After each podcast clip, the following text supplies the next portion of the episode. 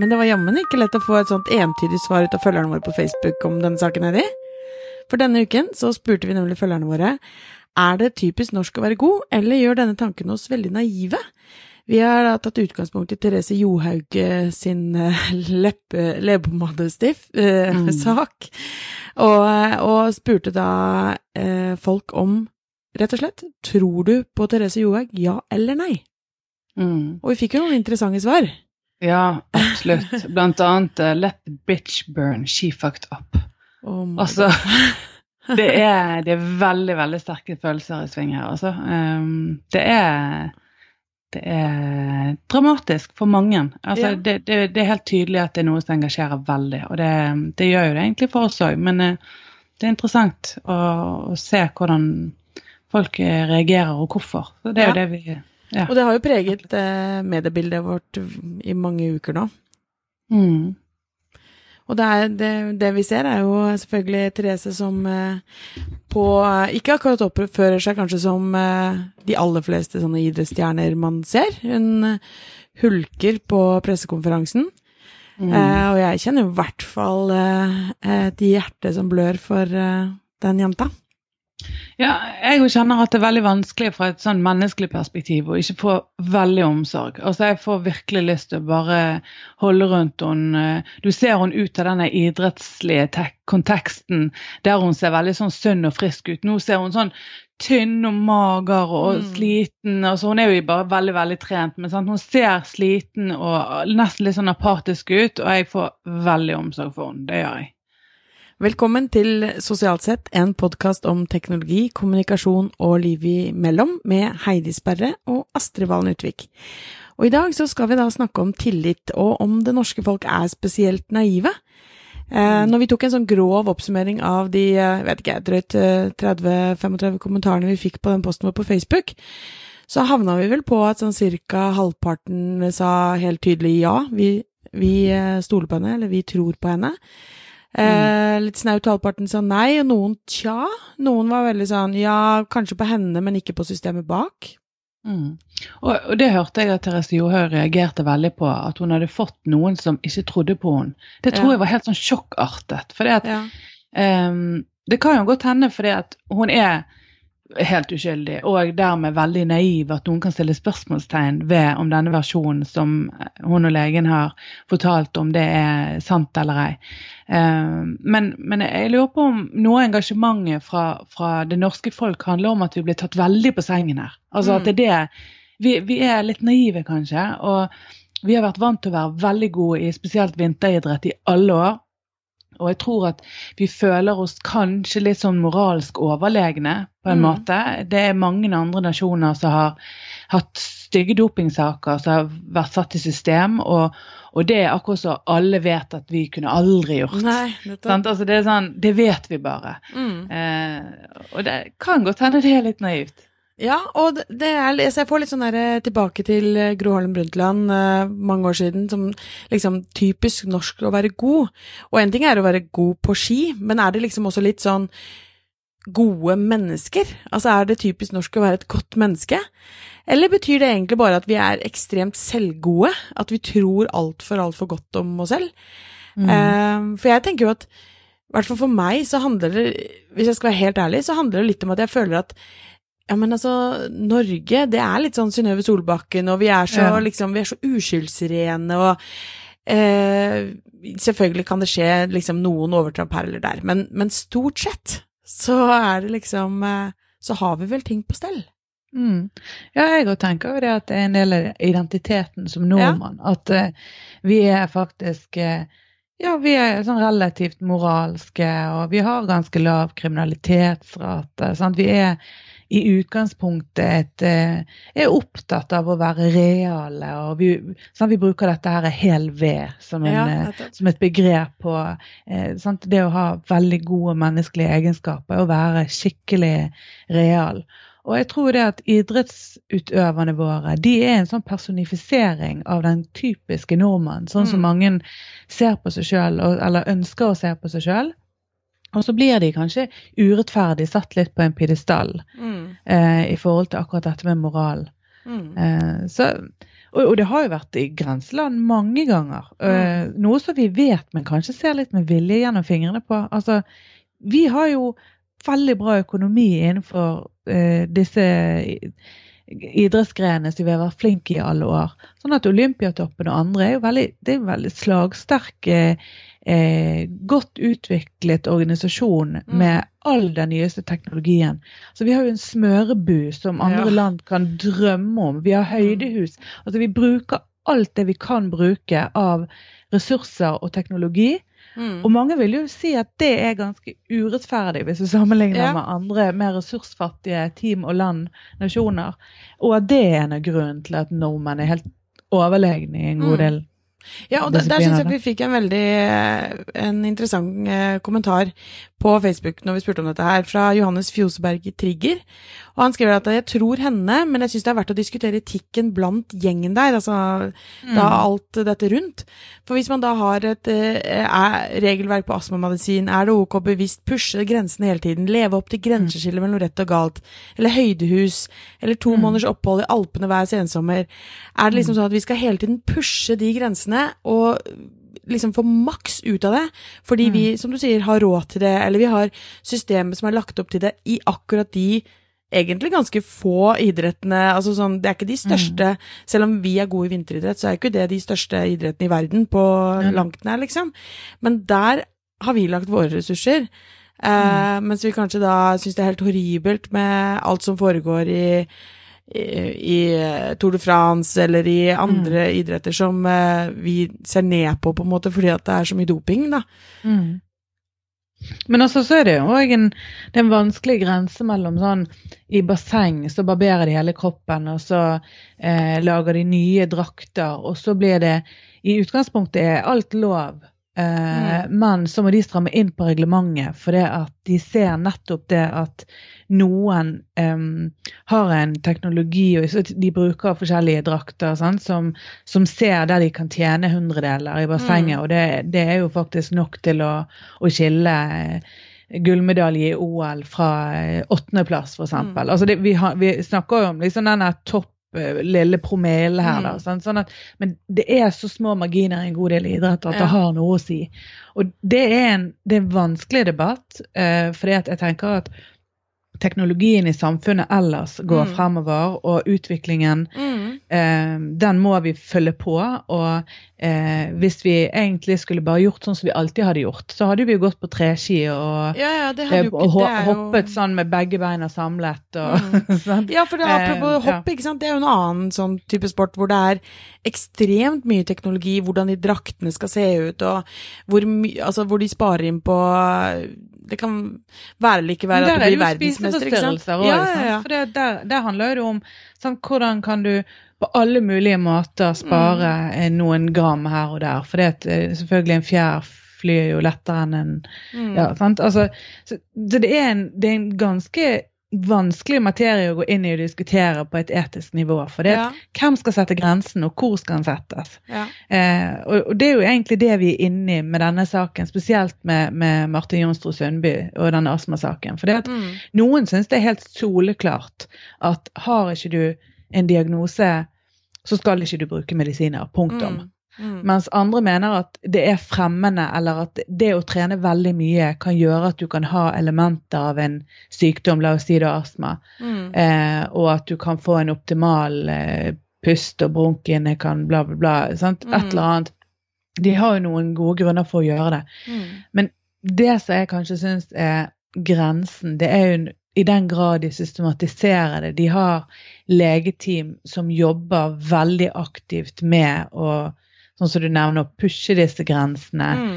Eh, og det er kanskje det jeg syns er det som plager meg mest. Altså det, og igjen, det kan godt hende at det er altfor naiv, men eh, ut fra Og for, for, all del, Therese er jo den som skal stå på toppen og liksom ta den siste avgjørelsen. Altså det blir jo som en bedriftsleder i et svært selskap. Det er den, mm -hmm. dens ansvar, uansett hvor mange folk du har under deg som skal hjelpe deg å gjøre deg god, da. Eh, men, men dis, denne legen og det apparatet rundt mm. eh, Det er så mye der som jeg syns gjør at egentlig saken blir verre enn en, mm. eh, jeg kanskje først trodde, da. Eh, for vi, det er jo liksom eh, ja, én ting er hva hun som eh, har da et sår og får en salve og selvfølgelig bør sjekke, men, mm. men at den legen skal ha kjøpt den kremen og liksom, og det skal være gjort i god tro. Eh, mm. Det var jo en Eh, Stein Høvik som skrev også, jeg har ikke satt meg så inn i det som tydeligvis han har, men eh, som skrev til oss på Facebook om nettopp at det er naivt å tro at, dette, at, at selv det er kremen som har gjort dette utslaget. Mm. Eh, han spekulerer jo i at, at uh, var det sånn at denne legen visste om denne prøven som kom når de kom til Norge, og da mm. kjøpte kremen bevisst, og mm. sånn at det kunne bli unnskyldningen. Mm. Eh, ja. Og det er jo litt sånn, det kan godt hende at det er veldig konspirasjonstankegang. Jeg har ikke nok peiling på det, men, eh, men ja, jeg syns det er liksom noe med de eh, fagfolkene rundt da, som hele mm. tiden pusher de grensene, og kanskje da her trår kraftig over, da. Mm. Ja, og jeg òg tenker akkurat det der at uh, det er det som gjør det litt vanskelig å tro at det er helt sånn um, Ja, både For det er jo flere instanser her, sant. Altså ja. det Først er det ja, først er det legen. Og så det, det, der, spesielt det der røde, svære symbolet der det står doping med et kryss Jeg trodde det var tull først sånn, når jeg så ja, bildet av det. Tenkte jeg ja, ha-ha, noen har ja. photoshoppa på, liksom. For det kan jo ikke ha stått det, liksom. Ja, men så sa jo altså Therese Johaug sa jo i et intervju òg i september, og det var jo sant, noen uker før dette her, så hadde de en diskusjon, eller det var noen journalister som spurte om noe à dette her med doping og bruk av eh, preparater. Og, og da, mm. da, sa hun, jeg så det intervjuet nettopp, at eh, eh, de sjekket noe ting både to og tre ganger. Mm. Altså, så det vil si at Jeg sa hun ikke også at hun, hun ville ikke ta Selv om hun fikk det fra legen, så ville ikke hun bruke det hvis ikke hun hadde sjekket det selv. Jo. Jeg tror til og med ja. det var helt uh, ja. ja. Mens her har de rett og slett bare begge to Eh, helt ukritisk bare mm. tatt det, kastet eh, pakningsvedlegget eh, og pakken og smurt det på i god tro. Nei, det, det, er noe som er litt sånn underlig der. Ja. Men, eh, men, men, Så det, det går grådig vanskelig, og, og igjen jeg, jeg, hver gang jeg er, kritisk, så får jeg nesten dårlig samvittighet og syns forferdelig synd på henne. Fordi at jeg bare Å, gud, kan vi virkelig mistro denne skjønne, lyse, milde flyte, fløtemysost, eh, Det tror jeg hun er kjempefornøyd med å bli kalt en fløtemysost. Ja, ja, ja men, jo, men Hun har jo bilde av seg sjøl på fløtemysosten. Å oh, ja. ja. Ikke sant. Jeg visste jo ikke det. Nei, men sant, hun, hun, er veldig Hun er, hun er liksom den klassiske sånn Synnøve Solbakken. Men, men eh, det, det, er, det, er, veldig mye som har sviktet underveis her. Og det, det er jeg syns jo òg at man må kunne kreve Jeg, jeg leste en, eh, en, kronikk som eh, journalist Erik Stefansen skrev, eh, der han òg Jeg tror det var han som skrev det, at eh, du må kunne forvente at en voksen kvinne, for det er hun, selv om jeg sier jo jente, hun ser ut som en jente på mange ja. måter, og hun oppfører seg definitivt som en jente, så har hun et stort forretnings imperiet, kan du nesten ja. si. Mm. Altså, det er ikke bare premiepenger hun tjener nei, nei, nei. på, men hun har sånne massive sponsoravtaler som egentlig gir så mye. Og i tillegg så har hun startet sitt eget klesmerke som ja, visstnok går veldig bra. Mm. Og jeg leste et eller annet sted at hun hadde en omsetning på 32 millioner eller noe sånt i fjor. Ja. Og når jeg tenker, da sitter du faktisk som en bedriftsleder, du sitter som en eh, et voksent menneske med en skikkelig altså en stor forretning eh, rundt deg, mm. eh, da må du kunne forvente eh, noe mer. Og du ja. må kunne forvente at hun eh, eh, oppfører seg i henhold til det som man forventer av andre bedriftsledere. Mm. Eh, og jeg kan skjønne at hun, det er veldig emosjonelt. Jeg forstår veldig godt at det er vanskelig å, å være sånn en helt annen type bedriftsleder, eller en sånn som vi assosierer med en vanlig bedriftsleder, mm for Therese Johaug, som har en annen jobb som er hoved eh, syssel, ja, sant? At, ja, for det blir, det blir mm. sånn blanding av eh, Altså, det, det, er nye roller. Altså, ikke sant? Mm. Og det er litt sånn som vi Jeg tror vi har hvert fall Jeg vet ikke om vi har snakket om det på podkasten, vi har snakket om det før, med, med liksom Karoline Berge Eriksen, så, når det ble masse baluba rundt henne, og ja, men jeg er jo bare en blogger som eh, koser meg med bloggen min. Uh, nei, du er også en, eh, en, virksomhet som tjener massevis av penger på mm. å selge masse produkter. Så, mm. Og det er jo En ting er jo en, en bedriftsleder som eh, har gjort noe liksom, underslag eller gjort noe som er ulovlig. De tas. Mens mm. her så er det liksom Men det er jo heltene våre. Det er jo mm. liksom rollemodellene våre og de Sunn norsk ungdom. Dette er jo verdiene som ligger i ryggraden vår. Det er de som mm. er disse vi vil at barna våre skal se opp til. Mm. Eh, og så plutselig så kommer det sånne her ting, og så eh, har vi kanskje Rokker vi litt ved på en måte verdigrunnlaget vårt, da. Mm. Ja, jeg tror jo det det at vi, vi assosierer Det handler ikke bare om en, en bedrifts... Eh, eier som har gjort et eller annet. Så, det handler veldig mye mer om at Therese Johaug er jo inne i stuene våre. På, altså, ja. Vi sitter og ser og vi heier og vi har grått med henne og vi ler med henne. Ja. altså, det er mye følelser, for det òg er jo mm. noe som er, er annerledes med disse idrettsheltene. Og Therese Johaug har jo alltid vist veldig mye følelser. Hun blir ja. veldig glad. Hun skriker mm. høyt når hun, kom, når hun mm. går over mållinjen. og Det er noe så engasjerer oss veldig. Det er noen triggere der eh, i oss. Eh, så, så, idrett altså Jeg, jeg som, som, sportsidiot kjenner jo veldig at jeg, jeg lever maks under sånn der eh, ja, ja. eh, håndballfinale og, og, siste innspurten på 30 km og hva det nå er for noe. Mm. Eh, og så når hun da er i den situasjonen hun er i nå, og sitter på pressekonferansen sånn som hun gjør, ja så er jo det egentlig veldig typisk Therese Johaug. Samtidig mm. så jeg kjente at jeg ble nesten litt sånn satt ut av det. Ja. Altså det ble nesten sånn For hun, hun satt akkurat sånn som datteren min på fem når hun er skikkelig ja. sånn lei seg og tørker seg med eh, sånn knyttet hånd håndbak ja. og gnir seg i øynene begge to. Så hun ble en veldig liten jente for meg, og det var jo det som var sånn hjerteskjærende på mange måter. Og samtidig helt eh, merkelig i den konteksten der hun egentlig skal sitte og forklare seg og være litt saklig og, ja, ja. og kunne besvare spørsmål. Så sier støtteapparatet nå nei, nå er det nok. Nå ja. må hun skjermes. Nei, hun kan ikke svare på flere spørsmål de to neste ukene, for hun trenger ro. Ja. det er, det er veldig spesielt. Ja, det er litt spesielt. Det er det, altså. Og jeg, jeg mm. ble jo eh, intervjua av Aftenposten om eh, faktisk denne saken her, fordi at det dukket jo opp da ganske kjapt etterpå, så dukket det opp i sosiale medier Vi som støtter Therese, Therese vi tror på deg, masse mm. sånne grupper hvor folk eh, kastet seg inn for å vise sin støtte, og selvfølgelig mm. også hvor noen eh, gikk inn og diskuterte, og det ble ganske sånn hett, eh, hett etter hvert, og, og eh, det som også den journalisten i Aftenposten eh, trakk fram, var jo nettopp det at i det svenske miljøet, eller i svenske aviser, så var det en helt annen tone. Mm. Der var de mye mer ute etter å ta eh, mm. Hvorfor er dere så naive? Hvorfor er dere så godtroende? Er det liksom Hva hadde vi trodd hvis dette her hadde vært snakk om Hvis det ikke var Therese Johaug, men det var en finsk eller svensk eller russisk mm. løper? Hadde vi liksom mm. sittet sånn og Nei, det er ikke sikkert at det er Hun har sikkert ikke gjort det med vilje. Nei, vi hadde jo ikke altså, tenkt det. Nei, det hadde vi jo ikke. Og det er jo det som har skjedd i mange andre situasjoner òg. For det, ser vi jo akkurat når det gjelder dette her middelet eh, som var i denne salven. Så er jo det flere Altså Avisene har jo gravd opp alle som har blitt tatt eh, for dette her i de siste årene. Og det er jo det er jo veldig mange som vi har hørt om, selvfølgelig en del vi ikke har hørt om, som har blitt utestengt for to år uten noe som helst tvil.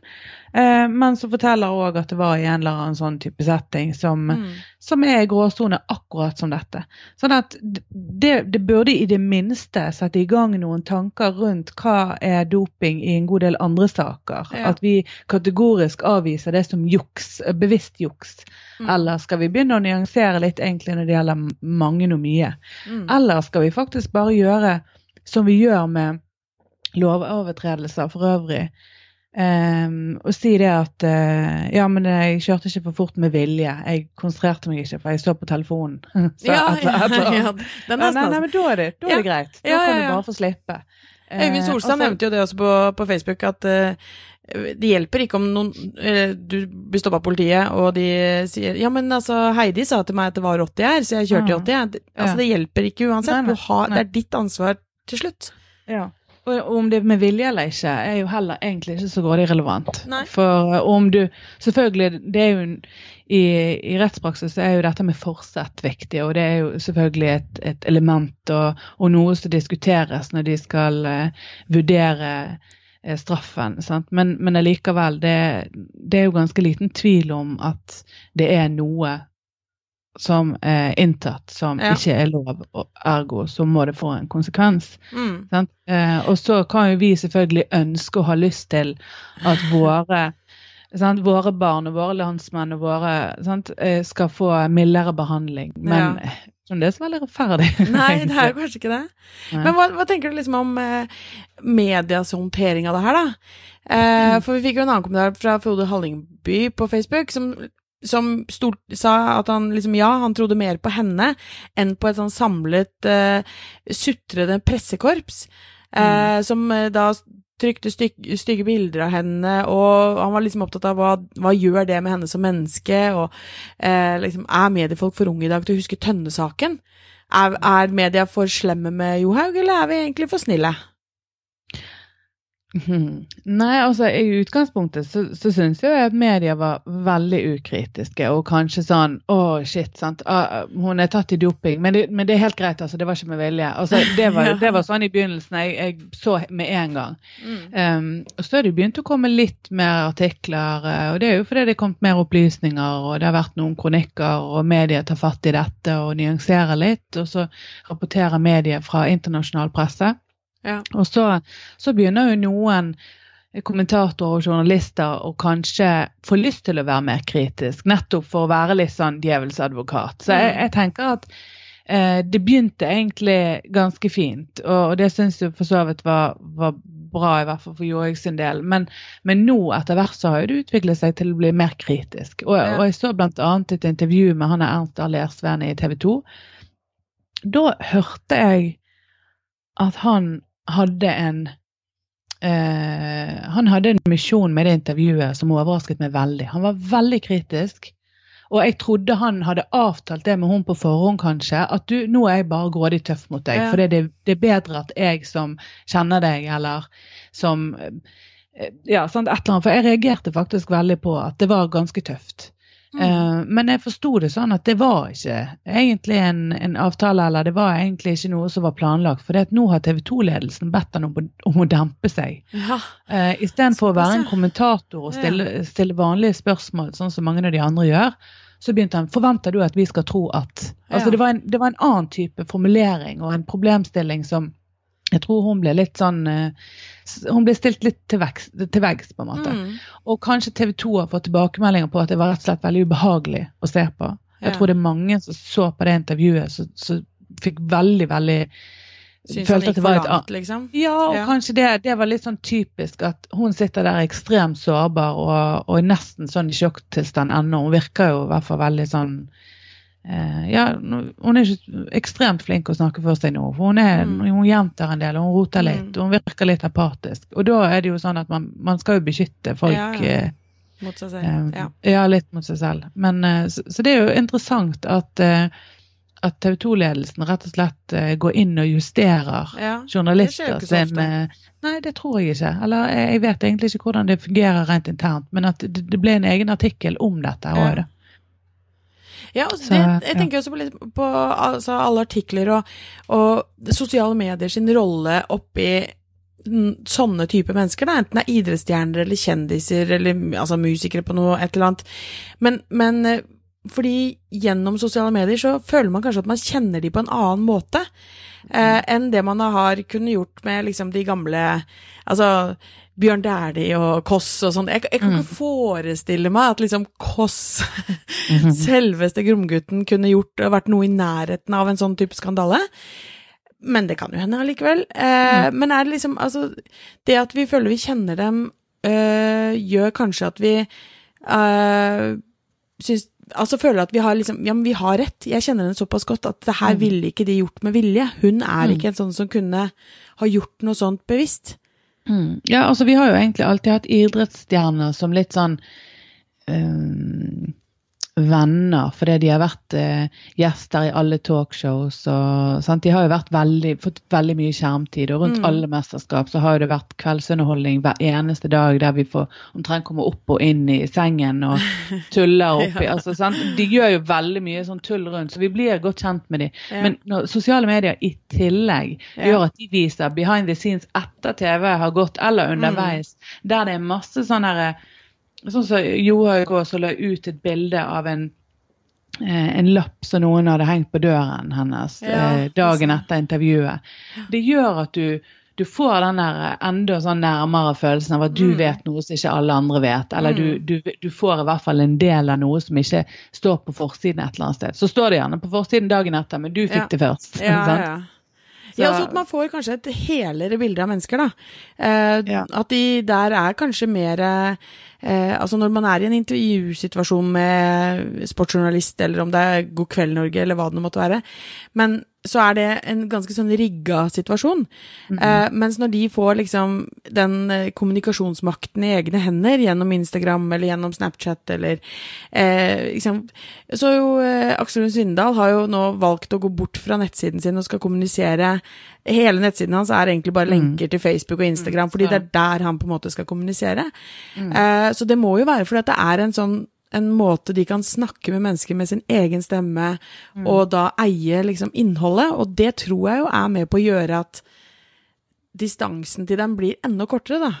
Mm. Men jeg tror ikke nødvendigvis at du får et mer riktig eller mer helere bilde, for det, det kan jo være like regissert. Altså, ja. Vi vet jo det som har både jobbet med sosiale medier i mange år og gitt eh, andre folks innblikk. Vi forteller og viser akkurat det vi vil, og ingenting mer. Mm. Mm. Eh, så det kan jo de òg gjøre, og viser bare frem godsiden eller det de gjør eventuelt av andre sider. Det er nøye utvalgte øyeblikk. Sant? Sånn at, eh, mm. men, eh, men, uansett så, så, spiller sosiale medier en, en, viktig rolle både i denne og i andre saker. og det er litt sånn følelsen av at Norge er en liten landsby på, ja. på mange måter. At, at, sosiale medier er med på å minske den, minske den distansen, i hvert fall. Mm. Ja, for jeg tror, jeg tror vi har, føler at altså, Norge er så lite. Så det er liksom eh, Den distansen til, mellom meg og Therese Johaug er sikkert eh, liksom én person. Eh, fordi at det er vi, Og da vet vi vet liksom, føler i hvert fall at kanskje at vi vet alt som skjer. At vi, mm. har, vi har full kontroll, for det er Vi er så små. Mm. At vi har Fordi, den følelsen. Ja, det er jo sånn. Og så gjelder jo ikke det bare idrett, men, men politikk og næringsliv og, og, alle steder. Og jeg husker jo for en god del år siden når Eva Jolie holdt på, hun var korrupsjonsjeger i, i Frankrike først og fremst, men, eh, men, begynte å se en god del på norske forhold. Og hun mente jo at det var mye mer korrupsjon mm. enn det nordmenn trodde. At mm. nordmenn egentlig var veldig naive. Um, og jeg tror det har noe med nettopp det at uh, det er små forhold og denne, det er en gråsone mellom korrupsjon og nepotisme, som egentlig er mm. bare en, eh, en mild form for, for, korrupsjon, der du forfordeler f.eks. For venner eller kjente, mm. Og verdier mye mer um, på en annen måte enn f.eks. økonomiske eh, sånn type anbud, der du sammenligner og har mm. egentlig veldig sånn eh, kvantitative eh, sammenligningsgrunnlag, så, så, mm. velger man en man kjenner som har gjort en god jobb. Eh, og det er jo det er, mm, det er jo en form for korrupsjon, og det er noe som er vanskeligere. Selvfølgelig er det mange småbyer og småkommuner i dette landet. Ja, det er det. Det er jo så små eh, forhold, ja. så det er jo vanskelig å, å, Altså fordi det er så små forhold, så er det noen som kjenner noen som kjenner noen. Mm. Eh, sånn at det å, å være helt nøytral er kanskje kjempevanskelig. Mm. Men så tenker jeg også at det, liksom, det er jo ikke altfor lenge siden vi hadde svær avsløring eh, med Panama Papers. Mm. Eh, og alt det som det medførte, hvor enormt pressetrykk det var, og eh, skatteparadiser, og DNB hadde jo en enorm storm rundt seg. Mm. Og så tenker jeg liksom nå Uh, har det liksom blåst veldig over? Har, det, mm. har, vi egentlig noe dårligere Hvordan er omdømmebarometeret til DNB f.eks., eller Nordea, mm. eller noen av de som var ramma i den situasjonen? Er det liksom sånn at vi bare ja, men vi er nordmenn. Vi, ok, mm. så det, har det vært noe stygt der, og så har de sikkert ordna opp i det, og så har de verste fått fengselsstraff, eller fått sin straff, mm. i hvert fall, og så kan vi liksom kjøre på videre, for vi er jo i bunn og grunn gode. Mm. Ja, jeg, òg tror det er litt sånn at, eh, at det ble slått stort opp at alle navnene kom til å lekke, og det kom til å være krise i alle mulige slags uh, miljøer, fordi det ville være alltid én, to, tre, fire som hadde gjemt vekk alt mulig av seg selv og satt dit og alt mulig. Eh, du hørte veldig lite etterpå. Og jeg tror det handler litt om at det var sånn Ja ja, det er jo faren til en i klassen ja. som har investert og ja. gjort et eller annet. Altså, du er jo alltid litt sånn eh, Du trår forsiktig, og vi, vi, er jo Jeg tror jo det at nordmenn generelt er snille og vil ta vare på hverandre og er litt sånn forsiktige fordi de skjønner i større grad at det er, det er medmennesker. Jeg vet ikke om de små mm. forholdene med vårt lille land, som òg er liksom navnet på dokumentarprogrammet på TV 2 Eh, jeg, tror det at det har noe med vår kultur og vår identitet. Altså. Det er en kulturarv og, og vår identitet. Og, og, egentlig så er jo det litt fint. Men er det, kanskje, Men, er det her kanskje på en måte baksiden, eller eventuelt forsiden av den berømte janteloven? Altså er dette her motvekten til det, da? Altså janteloven, du skal ikke mm. skille deg ut, du skal ikke være den på toppen, du skal ikke liksom ta for stor plass. Men, mm. men, du trenger ikke heller å være, synke for lavt, liksom. Vi, mm. vi holder deg ja. her oppe. ikke sant? Du kan gjøre noe ja. feil, og så henter vi deg opp igjen, og så går samfunnet ja. videre. Ja. ja. det kan godt hende, det. Altså, men vi har nå for all del gapestokken, vi òg. Og, uh, og jeg tenker at ok, det å være naiv er jo i utgangspunktet ikke sånn veldig positivt ladet ord. For det, i det ligger det gjerne sånn litt dumskap, eller mm. at ikke man er så smart, eller forstår helt. da, sant? Og det tenker jeg at det er jo ikke bra, det heller. for vi vil jo... det er fint at jeg hele tiden kaller meg selv naiv, da, for at det ja, Ok, da må vi, kan, kan vi skille mellom god, god, naiv og dårlig naiv, da. Nei, men, men du altså, er den gode naiv. Nei, men, men, jeg tror det er én form for naivitet. Og, og, men jeg tror jo også kanskje eh, at det er litt den, det samme som jeg Altså, jeg innrømmer jo det helt fint selv. Altså, jeg tror genuint det beste folk Jeg tror sånn medmenneskelig sett at Therese Johaug ikke har gjort det hun eh, Altså ikke at hun, at hun ikke har gjort det bevisst. Da. Hun har ikke 'nå skal jeg slå de andre, og jeg skal gjøre det ved denne kremen'.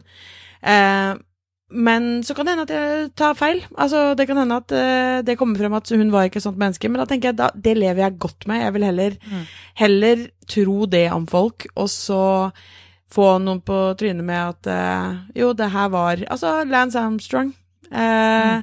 Som uh, liksom alle har elsket og The American Dream. Ikke sant? Bare mm. Kan man bli mer fantastisk enn han? Mm. Ja, det kan man faktisk. Fordi han har bare snytt veldig mange mennesker for den gjeveste medaljen, og mm. så, det, så, jeg vet ikke. Ja, jeg, jeg, jeg, tror jeg fortsatt skal kalle meg selv naiv, selv om det forbindes med litt dumskap. Mm, ja, ellers kan du la være å kalle det naiv. Og så kan du eh, For jeg tror jo det at eh, du, er en, du, er en, mellomting. Når du, når du kommer til stykket, så, så, er du jo absolutt kritisk. For det, eh, jeg tenker at det er jo et skjæringspunkt mellom å, være, å, å tro det beste om noen uten mm. å være naiv, men også være kritisk. Og det å være kritisk eh, tenker jeg at det er også noe positivt. Ja, ja, eh, men, men det å være kritisk, kverulerende eh, og, og, i utgangspunktet ikke tro på noen. og mm. eh, la folk stå til rette for hver minste lille ting og være litt sånn uforsonlig, er jo heller mm. ikke noe OK og noe bra, sånn som media av og til kan mm. oppføre seg. Mm. Så jeg tenker en, en mellomting her. Og ja. det å se mennesket eh, mm. som står midt oppi det, enten det er noen, en, en politiker eller en eller annen eh, næringslivstopp, mm. eller om det er en idrettsutøver. og det er jo egentlig det Det er jo det vi, det jo det vi må gjøre. Men ja. um, her, med, i denne saken her får vi nok ikke eh, et svar på en god stund ennå. Nei, og kanskje det, aldri. Nei, kanskje, kanskje, aldri. Kanskje aldri. Vi får vel nei. kanskje en form for straff eh, på noe vis.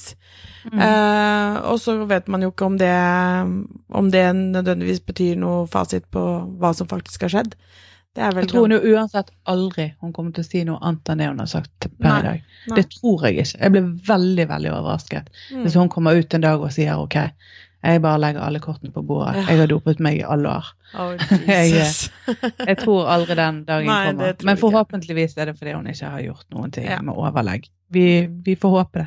Ja, vi håper det. Mm -hmm. Men det er veldig, veldig kjekt um, Selv om det er mange som snakker om det i alle kanaler, så, så liker vi når dere snakker om det i vår kanal òg. så, så, fortsett gjerne på Facebook på den tråden og, og gi oss eh, innspill og, og diskuter, for det, det, det, det, er artig å lese. Det det. Gir det et ekstra mm. Eh, element, syns jeg. Mm. Veldig gøy. Og, og, jeg tenker at det her skal vi gjøre oftere, Heidi. Spørre folk og få mm. deres innspill og sånn med, for jeg tenker jo at uh, det gjør oss jo bare mm, klokere. Altså vi får mm. flere refleksjoner inn. Det syns jeg er supert. Så det må vi gjøre mer. Ja, det har vi. Så eh, tenker jeg vi får bare takke for i dag og glede oss til neste gang. Det gjør vi. Ha det bra. Mm. Ha det.